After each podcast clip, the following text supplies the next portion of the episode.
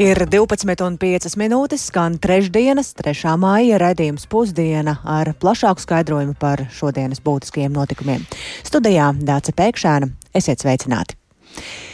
Kas ir jāmaina un jāuzlabo nekavējoties, lai neatkārtotos līdzīgi gadījumi kā traģiskā slepkavība Jēkabpilī? Detalizētus apstākļus par to, kāpēc tiesību sargājošās iestādes nespēja novērst Leona Rusiņa paveikto slepkavību, skaidro iekšējās izmeklēšanās, savukārt tikmēr ministrijās un saimas komisijās top likumu papildinājumi.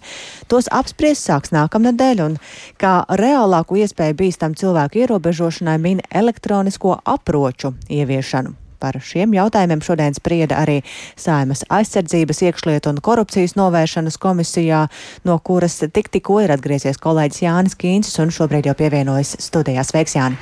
Sveika, Dārts, sveicināt klausītāji! Jā, komisija šīs dienas sēdē pievērsās tiesību aizsardzības iestāžu konstatētajām problēmām un vēlamajiem risinājumiem, un tikai viens secinājums par valsts policijas vadības prokuratūras un arī tiesas pārstāvju atziņām ir, ka bijusi nepietiekama informācijas apmaiņa starp valsts policiju un prokuratūru un trūk, ir trūkusi notikuma aina kopskatā.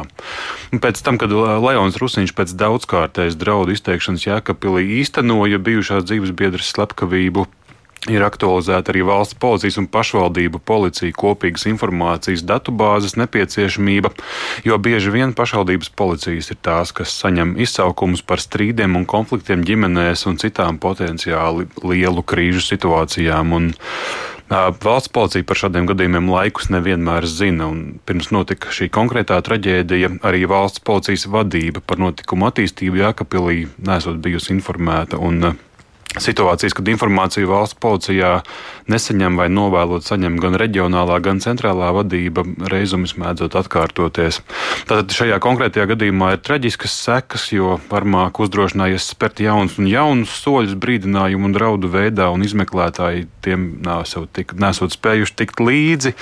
Tā to vērtē valsts policijas priekšnieks Armāns Ruks, un arī pēc īslaicīgas aizturēšanas kādā no krimināla procesiem Rusiņš ir iznācis un kļuvis arvien naidīgāks un mērķiecīgāks pret, ciet, pret cietušo un izvairījies arī no tiesas, nesot apmeklējis sēdes par šiem papildu um, norobežu, ierobežojumiem. Un, um, šādiem specifiskiem gadījumiem ir vajadzīgi jauni tehniski ierobežojumi veidi, šobrīd konkrēti runa ir par šīm elektroniskajām aprocēm, kas nodrošinātu papildu aizsardzību potenciālajiem upurim. Un šo ideju sīkāk komisijas sēdē raksturoja valsts policijas priekšnieks Armāns Ruks. Ja šeit ir šis pārkāpums, tad tā ir elektroniska aproce, tā ir aplikācija. Nu, es tā modelēju, protams, tur uh, speciālistiem jāstrādā pie tās programmatūras, bet uh, es neredzu, ka to nevarētu izpildīt. Šiem potenciāli nu, aizsargājumai personai ir šī aplikācija, tātad, kas sāk darboties, ja tas aproces nesētājs nu, tuvojas. Respektīvi, tiesa nosaka 300 metru netovoties tuvojās. Tad signāls atnāk policijai, operatīvai vadības struktūra vienībai, signāls atnāk cietušajiem. Respektīvi, ir jāuzmanās attiecīgi. Arī signālam būtu no tās aprots jāaiziet pašam šim pārkāpējam, respektīvi, ka viņš pat tūp pie tūpa. Līdzīgu tehnoloģiju jau ilgāku laiku Latvijā izmanto valsts probācijas dienests dzimumu noziedznieku kontrolēšanai. Attiecīgi šīs iestādes pieredze būs noderīga valsts policijai šajā jautājumā. Un, tāpat aproču ieviešanas izmaksas varētu nebūt nepaceļami augstas. Attiecīgi šī, šo rīku varētu ieviest iespējami drīz, taču par konkrētu tehnoloģisko risinājumu tātad, eh, tās tā izme, piemeklēšana un izstrādāšana ir iekšlietu ministrijas informācijas centra uzdevums. Vienlaikus, eh, reaģējot uz traģēdiju Jēkabpilī, Tieslietu ministrija gatavo grozījumus krimināla likumā un krimināla procesa likumā, un arī saimnes juridiskās komisijas vadītājs Andrēs Judins no jaunās vienotības jau pagājušajā nedēļā sagatavoja grozījumus likumos, paredzot, eh, rosinot palielināt sodus par draudiem nodarīt miesas bojājumus un slepkavības draudiem, par vajāšanu un arī par ļaunprātīgu izvairīšanos, nepildot tiesas uzlikto liegumu tuvoties personai. Darbu ar izmaiņām likumos nākamnedēļ 9. maijā sāks Saimas juridiskajā komisijā, un es domāju, ka tur priekšlikumu būs ārkārtīgi daudz. Paldies, tev, Jāni, par šo skaidrojumu. Un, ja šis ir jautājums, kurā tiešām izmaiņas ir vajadzīgas, turklāt steidzami, tad mūsu nākamais stāsts ir tāds, kur savukārt neviens vien gribētu, lai saglabājas esošā kārtība, un plānotās izmaiņas rada neizpratni. No nākamā gada sākuma piekļūt e-veselībai varēs tikai ar kvalificētiem personu elektroniskās identifikācijas līdzekļiem. Ir runa par e-ID karti, e-paraksta karti, tāpat arī e-paraksta karti plus un e-parakstu mobile. Šis eh, Nacionālā veselības dienas paziņojums jau ir paspējis izraisīt plašu rezonanci sociālajos tīklos, un tāpēc, kāpēc e-veselībai vairs nevarēs pieslēgties izmantot, piemēram, internetbanku un kādas nērtības tas varētu radīt pacientiem un ārstiem to skaidroja kolēģi Zana Eniņa, kura pievienojas studijās Sveika Zana. Labdien! Jā, kā jau tu minēji, eh, sociālajos tīklos patiešām šī ziņa ir izraisījusi rezonanci. Piemēram, bijušais satiksmes ministrs Tālis Linkaits par to ir tā sašutis ierakstījis, kāpēc tā vajag rīkoties, ja nespēja visiem laikus izsniegt EID kartes un ko tad darīt senioriem. Un arī Latvijas lauku ģimenes ārstu asociācijā saka, šī prasība radīs un jau rada sarežģījumus. Paklausīsimies, ko teica šīs organizācijas valdes loceklis ģimenes ārsts Ainis Dzalps. Tie kolēģi, kas mēģina lietot šos, te, ko mums piedāvās, kas būs kā vienīgais, ka tie ir krietni sarežģītāki nekā, teiksim, autorizācija izmantojot internetu banku. Mēs, protams, neesam speciālisti, bet nu, mēs nedomājam, ka gluži šīs pieejas ar internetu bankām nu, būtu nu, kaut kādā veidā nedrošas, ja, jo tomēr banku sektors jau nu, ir parūpējies gana labi, lai finanšu līdzekļi tiktu pasargāti Tiesa, kā teica Ainis Dzalps, šī ziņa nav īsti jaunums, un arī NV eh, Nacionālais veselības dienests atgādina, ka autentifikācija tikai ar e-paraksta rīkiem bija plānota jau no šī gada sākuma bet to atlika uz gadu, saprotot, ka daudzi tam vēl nebūs gatavi. Taču ģimenes ārsts Ainis Zelps paredz, ka arī nākamā gada sākumā nevienam vien pacientam šo rīku vēl nebūs. Un pašlaik visbiežāk tie ir vajadzīgi, lai, piemēram, apstiprinātu darbnespējas lapas. Tāpēc ārstiem eh, visticamāk nākšoties atgriezties no atsevišķos gadījumos pie šo dokumentu drukāšanas. Taču, kā norādīja Lauku ģimenes ārsta asociācijas pārstāvis, e-veselība nav vienīgā datu bāze, kur izmanto medicīnā. Un pēc viņa vārdiem pagaidām tā pilnvērtīgi funkcionē tikai e-recepšu sadaļā un darbnespējas lapu izsniegšanā, bet pārējās jomās nav attīstīta, tāpēc, piemēram, informācija par pacientu izmeklējumiem vai analīžu rezultātiem gan ārsti, gan arī paši pacienti atrodas sistēmā Datamed, kas nav valsts uzturēta. Taču par to, kāpēc e-veselībā vairs nevarēs ieiet cauri internetbanku un kāpēc vispār aizvien plašāk būs jālieto e-parakstu rīki, Interesējos eh, Latvijas valsts radio un televīzijas centrā, kas ir atbildīgs par e-identitātes sistēmu Latvijā. Un lūk, kā man to paskaidroja šīs iestādes pārstāve Vineta Sprugaine. Nu, ja mēs skatāmies uz e-identitātes apliecināšanu, tad uh, šobrīd uh, tikai e-paraksta rīkiem ir šī augstākais status, kas ir pielīdzināms pasas uzrādīšanai klātienē vai EID kartas uzrādīšanai klātienē. Eh, Vienets Prugēna nevarēja komentēt EID eh, e garšu izsniegšanas ātrumu vai rindas, eh, lai, lai saņemtu šos dokumentus, jo tas ir pilsonības un migrācijas lietu pārvaldes ziņā. Taču viņi paskaidroja, ka, lai kļūtu par e-paraksta mobilu lietotāju, e-ID karte nav vajadzīga. Šo rīku iespējams iegūt arī ar tiem dokumentiem, kāda nu ir cilvēka rīcībā. Un viņa arī pastāstīja, ka e-paraksta rīki identitātes apliecināšanai digitālajā vidē pagājušajā gadā izmantot vairāk nekā 8 miljonus reižu. Un uh, šogad, pirmajos četros mēnešos, jau vērojams pieaugums. Tas ir vidēji miljons reižu mēnesī. Nu, droši vien vieniem varētu būt vieglāk pie jaunās kārtības pierast, citiem grūtāk, bet kā ir ar tiem, kuri nav ikdienā uz tu ar šādām lietām, piemēram, senioriem? Nu, Latvijas valsts radio un televīzijas centra pārstāve nenoliedza, ka pārējo uz e-paraksta rīku izmantošanu, lai apliecinātu identitāti, var sagādāt nērtības, um, tāpat kā jebkura paraduma maiņa. Protams, ja es vai tu, mēs arī varbūt esam pieraduši lietot uh, internetbanku un smart ID, tad eh, kāpēc gan šīs ērtības aizvietot ar citu paņēmienu? Taču centrs to apzinoties un tālāk divreiz mēnesī rīko attālinātas apmācības, kurās ierāda, kā pieteikties, kā saņemt un kā lietot šos digitālos rīkus. Paldies Zanai Eniņai par šo skaidrojumu. Redzēsim, kā jaunā sistēma darbosies un vai pie tās visi varēs pierast. Bet mēs turpinām ar citu būtisku tēmatu, proti vienā no lielākajiem valstī piedarošajiem un otrā vērtīgākajā uzņēmumā Latvijā Latvijas valsts meži būs izmaiņas. Padomu sēdē negaidīti ir izteikta neusticība trīs valdes locekļiem - Jānim Lapiņam, Tomam Reiziņam un Jānim Stankēvičam. Uzņēmuma pagaidu padomi savu lēmumu skaidro ar to, ka šie valdes locekļi nav spējuši demonstrēt sadarbību un tas apdraudot uzņēmuma attīstību. Vienlaikus šobrīd ir uzsākts uzņēmuma četru pastāvīgo valdes locekļu nominācijas process. Un plašāk par valsts uzņēmumā notiekošo ir interesējusies kolēģis Sintija Ambote, kura pievienojas tiešraidē. Sveika, Sintija! Sveika, Sveika Jā, kā tad? Latvijas vēl. Mm -hmm.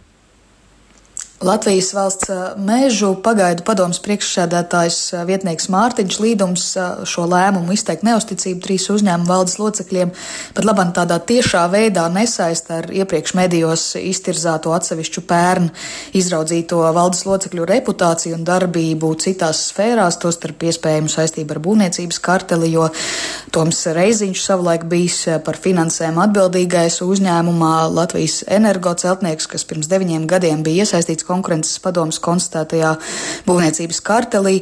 Atgriežoties pie valsts mežu mm, šī vakardienas lēmuma, tad uh, valdi gan turpinās vadīt Pēters Putniņš, uh, kura apstiprināšana valdes priekšsādātāja amatā pērn arī radīja diskusijas, jo Putniņu 2019. gadā mudināja atkāpties no finanšu un kapitāla tirgus uh, komisijas vadītāja amata. Viņa toreizējā aiziešana no komisijas vadības saistām ar redzējumu atšķirībām par valdības pieteikto finanšu sektoru kapitālo remontu. Tāpat bijušas šaubas par komisijas lēmumiem un noslēpumainību, uz ko uzmanību vērs ASV finanšu ministrijas finanšu noziegumu apkarošanas tīkls. Bet tad Latvijas valsts mežu pagaidu padomis šo lēmumu par uzņēmumu valdī plašāk skaidro līdumus varam paklausīties. Un mēs kā padome, nu, teikt, divus mēnešus strādājām kopā ar šo valdi, un tas priekšstats tika, teikt, mums acis priekšā uzbūvēts. Šie valdes locekļi nespēja demonstrēt uh, saliedētu sadarbību, un tas uh, viennozīmīgi rada riskus uzņēmumu pārvaldībai kopumā un arī attīstībai kopumā. Netiešā veidā jebkuri šādi lēmumi ir saistīti gan ar reputāciju, gan caurredzamības riskiem. Bet eh, šī gadījumā par eh, pamatu lēmumam saglabāt eh, Pētera Putniņa esošajā amatā bija darbības nepārtrauktības nodrošināšanas nepieciešamība, tā skaitā attīstības projektos, kas ir saistīti ar mm, dažādiem drošības jautājumiem. Šis bija minimālais padoms ieskatā, kā panākt šo pārmantojamību un neapdraudēt nepārtrauktību. Nu jā, vēl varbūt jāatgādina, ka janvārī arī premjeras Krišāns Kariņš no jaunās vienotības uzdeva zemkopības ministrijai izvērtēt pārresoru koordinācijas centra uzdevumā tapušo ziņojumu par Latvijas valsts mežu valdes un padomas locekļu atlases atbilstību labai pārvaldībai un arī lemt par kādu rīcību. Ziņojumā bija konstatēts, ka šajos atlases procesos pērni ir bijušas atkāpes no vadlīnijām un rīcība, kas ir ietekmējusi amatu konkursu rezultātus.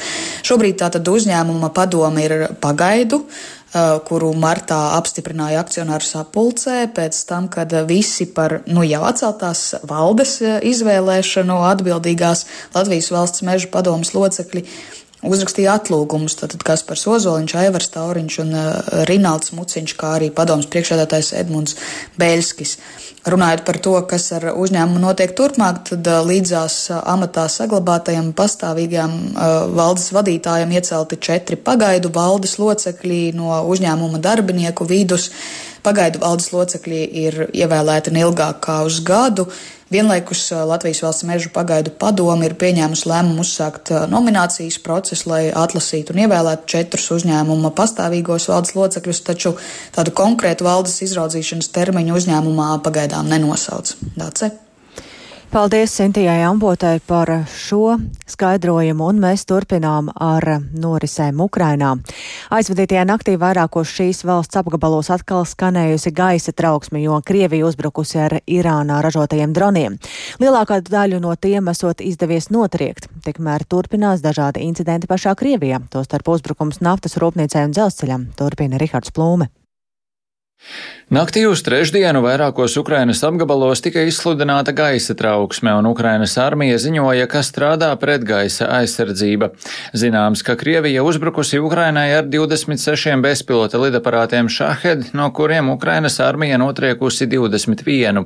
Vairāki droni palaisti arī uz Kijivu, bet Ukrainas gaisa spēkiem izdevies tos visus likvidēt. Tikmēr Krievijā un Krimā pēdējās dienās notikuši vairāki incidenti. Telegram lietotnē minēts, ka nezināmi bezpilota lidaparāti naktī uzbrukuši vairākiem Krievijas militārajiem un enerģētikas objektiem Brianskas un Belgorodas apgabalos. Jau otro dienu pēc kārtas Brianskas apgabalā uzspridzināts dzelzceļa sliežu ceļš. Vienā no posmiem notikuši trīs sprādzieni, kā rezultātā apgāzušies astoņi no 70 kravas vilciena vagoniem. Savukārt šonakt Krasnodaras apgabalā Volnas ciematā netālu no Krimas Krimas tilta sāka degt liela degvielas cisterna. Krievija vēsta, ka Ukraina īstenojusi lidrobota uzbrukumu. Liels dūmu mākonis redzams arī no Krimas tilta. Vēl sestdien Krimas ostas pilsētā Sevastopolē uzsprāga naftas glabātuve. Ukraina nav uzņēmusies atbildību par šiem incidentiem, bet tiek uzskatīts, ka tā gatavojas pretuzbrukumam. Tikmēr rietumi pirms gaidāmā Ukrainas pretuzbrukuma turpina nodrošināt Kijevai militāro palīdzību, kā arī strādā pie tā, lai palielinātu ražošanu pašmājās. Amerikas Savienotās valstis šodien paziņos par jaunu palīdzības paketi Ukrainai 300 miljonu dolāru vērtībā. Tā ietvers munīciju artilērijai un raķetes aviācijai aviācijai, un palīdzība tiks nodrošināta no vietējiem militārajiem krājumiem. Savukārt Eiropas komisija ierosinās plānu artilērijas šāviņu ražošanas palielināšanai līdz miljonam šāviņu gadā. Plāns tikšot publiskots šodien, un tas ierosina izmantot 500 miljonus eiro no Eiropas Savienības budžeta, lai palielinātu munīcijas ražošanu Eiropas Savienībā. Nav noslēpums, ka Eiropas aizsardzības nozarei ilgstoši nepietiekamo investīciju dēļ šobrīd ir grūti pielāgoties pieprasījuma pieaugumam ko izraisījis Krievijas sāktais karš Ukrainā. Rihards Plūme, Latvijas radio un skaidrs, ka Ukrainai joprojām ir vajadzīga visu mūsu palīdzība, bet, lai atbalstītu Ukraiņus no Rīgas uz Kijevu, dodas kārtējais humanās palīdzības konvojs. To organizējas Latvijā dzīvojošo Ukraiņu biedrību konfederācija Viče. Kas ir tas, kas Ukraiņu kareiviem frontē visvairāk ir nepieciešams un kas saziedot šoreiz? To var redzēt šobrīd Rīgā, laukumā pie kongresnama, no kurienes konvoju pavada, un pie kongresnama ir arī mana kolēģe Agnija Lazdiņa. Sveika, Agnija! Labdien! Ar ko šis konvojs atšķiras no iepriekšējiem? Jā, kā jau tu minēji, Dārsa, šis ir kārtējais humanās palīdzības konvojs, taču šoreiz tas atšķiras no iepriekšējiem ar to, ka pirmo reizi tajā ir iekļauts arī triecienu laivas, kuras ir iegūtas pateicoties labdarības iniciatīvai Stopify. Un tāpat Stopify ir nodrošinājis divus pikapus, uzlādes stācijas, ķīveres, austiņas, dronus, tēmeklus un daudz ko citu, ko tad sūtīs uz fronti. Tāpat arī šoreiz ir sagatavots ap 200 Ukrainas aizstāvjiem vasaras formas, kas ir uzšūtas saskaņā ar NATO standartiem katram karavīram individuāli. Tās savukārt ir nodrošinājis uzņēmums Latvijas Finieris. Viens komplekts, uh, jeb viena vasaras forma, sastāv no astoņām vienībām, kas ir flīsa jakas, virsvalka, bikse, biksēm, diviem krekliem, diviem pāriem pārgājienu zeķu un taktiskā apulu pāra. Un arī uzņēmums Latvijas Energo ir sagatavojis desmitiem augstas klases akumulatoru. Savukārt biedrība Tavi draugi šoreiz ir sarūpējuši dāvanas 37 bērniem no Ukrainas, 126. brigādes karavīru ģimenēm, kā arī palīdzību mātes un bērnu centram Kīvas apgabalā. Un tāpat konvojā būs produktu komplekti no pianista Andreja Sokina. Un, uh, savukārt pati konfederācija Vīča ir sarūpējusi dators, kā arī daudz citas nepieciešamās lietas Ukraiņu karavīriem. Tātad, kā jūs saprotat, ir diezgan ļoti spēcīgi piepildīts šis konvojs. Un tāpat šī reize ir īpaša ar to, ka humāno konvoju uz fronti pavada jaunais Ukraiņas vēstnieks Latvijā Anatolijas Kucelovs un uh, Rīgas skolu skolēni, kas Ukraiņu karavīriem ir sarūpējuši zīmējumus ar novēlējumiem. Ja pavisam konkrēti, tā ir Rīgas Ukraiņu vidusskola, kas ir ieradušies ar sarūpētiem dažādiem novēlējumiem karavīriem, lai viņi varētu izturēt šīs grūtās dienas. Un, uh, piebildīšu, ka konvojs Kijivu sasniegs dažas dienas pēc izbraukšanas no Rīgas.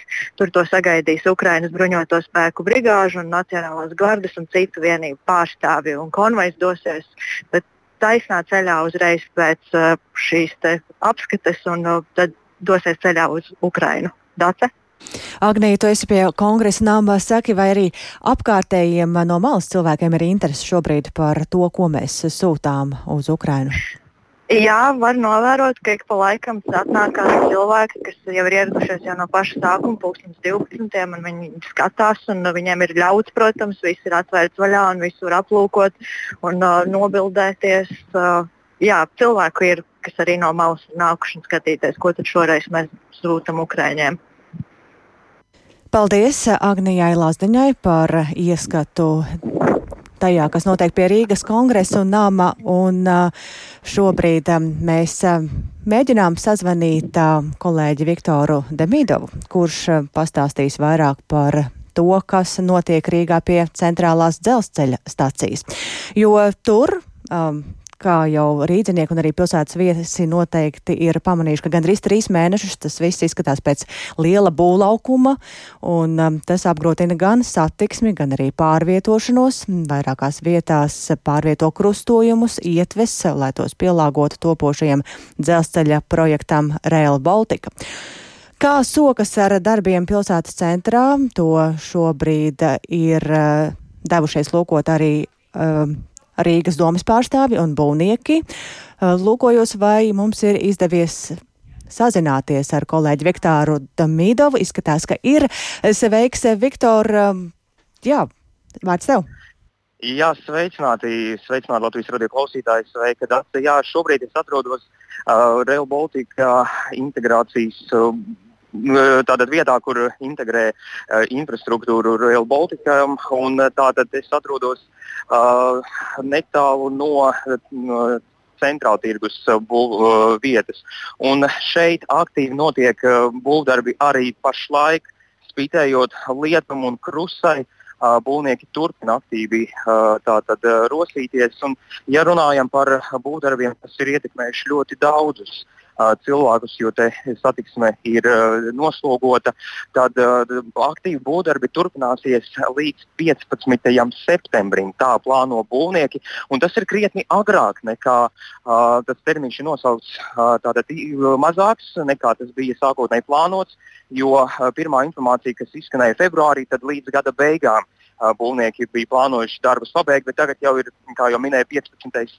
septembris. Un uh, aktīvi būvdarbi turpināsies uh, gan arī tagad pa vakariem, pa dienu un pa vakariem.